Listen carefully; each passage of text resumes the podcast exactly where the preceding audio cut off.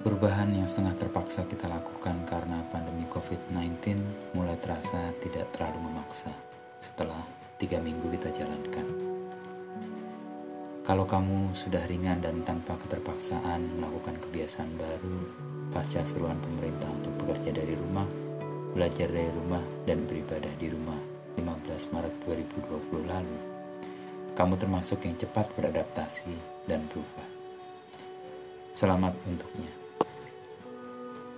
Rata-rata dibutuhkan 66 hari untuk perubahan perilaku menjadi otomatis atau ringan dilakukan tanpa terpaksa. Terbentuknya kebiasaan baru itu tergantung pada perilaku, orang, dan keadaan. Dalam sebuah studi, butuh waktu antara 18 hari sampai 254 hari bagi orang untuk membentuk kebiasaan baru. Kalau dalam tiga minggu ini perilaku sudah berubah, dan adaptasinya, adaptasinya menjadi mudah, kamu termasuk orang di atas rata-rata. Kalau ternyata belum dan masih susah beradaptasi dengan perubahan, jangan juga berkecil hati. Masih terbuka ruang untuk perubahan itu. Bicara soal perubahan, pekan lalu saya mendapati postingan tiga zona emosi di era COVID-19 dalam bentuk tiga lingkaran. Tidak lama kemudian, ada orang yang memikirkan orang lain dan menerjemahkan postingan itu. Terima kasih kepada Anastasia Ediati yang menerjemahkan postingan dalam bahasa Inggris itu. Dari postingan yang kemudian dijadikan acuan banyak orang itu, kita bisa mengetahui ada di zona mana saat ini. Seperti kata para psikolog, zona itu bukan zona yang linear.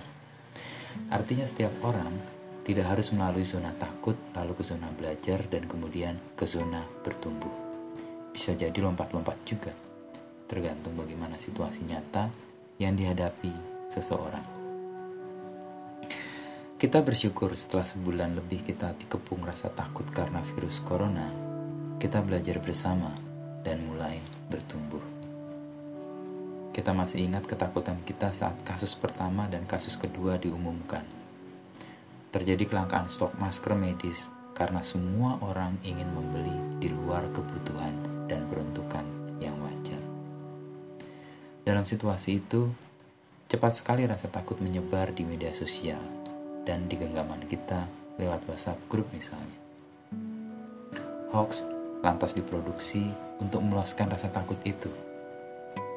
Orang mudah sekali marah dan panik karena situasi ini ada juga yang mengambil keuntungan dari situasi ini. Meskipun sudah surut, ketakutan, keluhan, dan kemarahan masih kita rasakan, bahkan sampai hari ini. Di media massa atau media sosial terutama, lebih banyak orang mulai menerima kenyataan. Tidak lagi masif sebaran informasi di media sosial yang tidak jelas kebenarannya. Kontribusimu nyata untuk hal ini. Saya yakin kamu ada dalam zona ini sejak awal karena mulai mengenali emosi diri sendiri. Kerap mengambil waktu hening untuk merespon segala sesuatu berdampak baik. Informasi yang memicu kecemasan berlebih kamu sikapi sewajarnya dan jika perlu kamu hindari. Di zona ini, kita semua belajar menjadi sadar situasi untuk bisa berpikir jernih dan bertindak. Dalam situasi ini kita menyadari bahwa semua pihak tengah berupaya melakukan yang terbaik untuk mengatasi pandemi ini. Energi karena ketidakpuasan, kekecewaan, kemarahan perlu disalurkan agar menjadi energi positif untuk bersatu padu. Tidak mudah, tetapi ini perlu diupayakan. Di tengah hujatan, cacian, dan juga pujian, apa yang dilakukan Dr. Tirta perlu kita adaptasi sesuai kapasitas dan kemampuan kita masing-masing. Kita melihat upaya-upaya nyata dari banyak pihak mulai muncul dan menggerakkan langkah-langkah baik bersama. Makin banyak orang yang mulai memikirkan orang lain dan mencari cara bagaimana membantu mereka. Bantuan juga datang dari para donatur yang tergerak dan sudah disalurkan untuk sejumlah rumah sakit.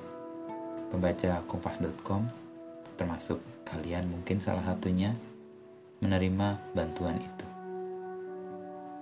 Terima kasih untuknya dan terima kasih untuk para pemberi bantuan tentunya. Dian Sastrowardoyo dan Najwa Sihab juga melakukan hal-hal yang baik itu untuk membantu sama dalam situasi ini. Dalam rentang waktu 25 sampai 28 Maret 2020, para musisi juga bahu-membahu menggalang dana untuk meringankan beban mereka yang terdampak Di media sosial, kamu pasti mendapati lagu rumah kita yang dinyanyikan secara bergantian oleh para musisi, mulai dari Ahmad Albar sampai Raisa. Ini adalah upaya para musisi menggunakan bakat dan kemampuan untuk membantu mereka yang kesulitan di tengah pandemi ini. Apresiasi dan ungkapan terima kasih perlu kita sampaikan kepada semua pihak yang berupaya baik untuk mengatasi situasi yang sulit. Pemerintah melakukan hal ini dengan berterima kasih di awal-awal sebelum memberi update perkembangan kasus COVID-19 di Indonesia setiap sore hari. Dalam rangka bertumbuh di suatu situasi yang tidak mudah ini, kita dianjurkan untuk selalu hidup kini dan di sini.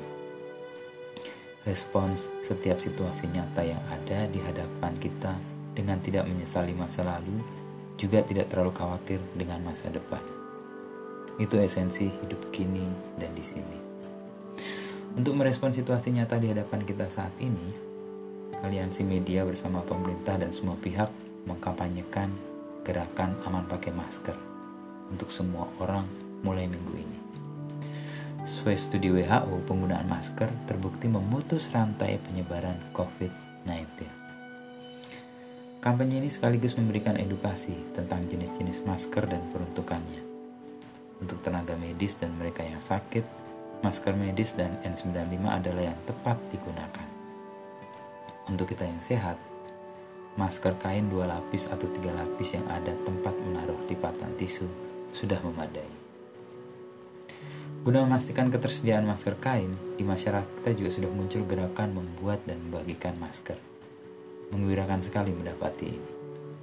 Ajakan dari banyak pihak seperti dilakukan seniman Soiman Panca, Soimah Pancawati, sudah disuarakan dan cukup berdampak.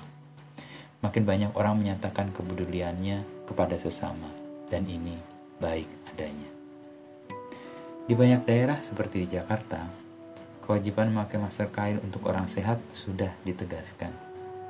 Minggu ini adalah masa sosialisasi untuk kemudian ditegakkan aturannya minggu depan. Daerah lain juga menerapkan aturan lain lantaran didapati fakta mereka yang positif COVID-19 tanpa gejala dan layaknya orang sehat pada umumnya ada di mana-mana. Dalam kemudian terhadap sesama lewat upaya-upaya baik dan nyata, kita bisa merawat emosi kita. Dalam situasi sulit seperti ini, sikap peduli, berbagi, dan memberi manfaat baik kepada sesama menimbulkan rasa gembira dan juga bahagia. Rasa gembira dan bahagia karena peduli umumnya menyebar dan meningkatkan imunitas tubuh terhadap serangan virus apa pun. Salam peduli.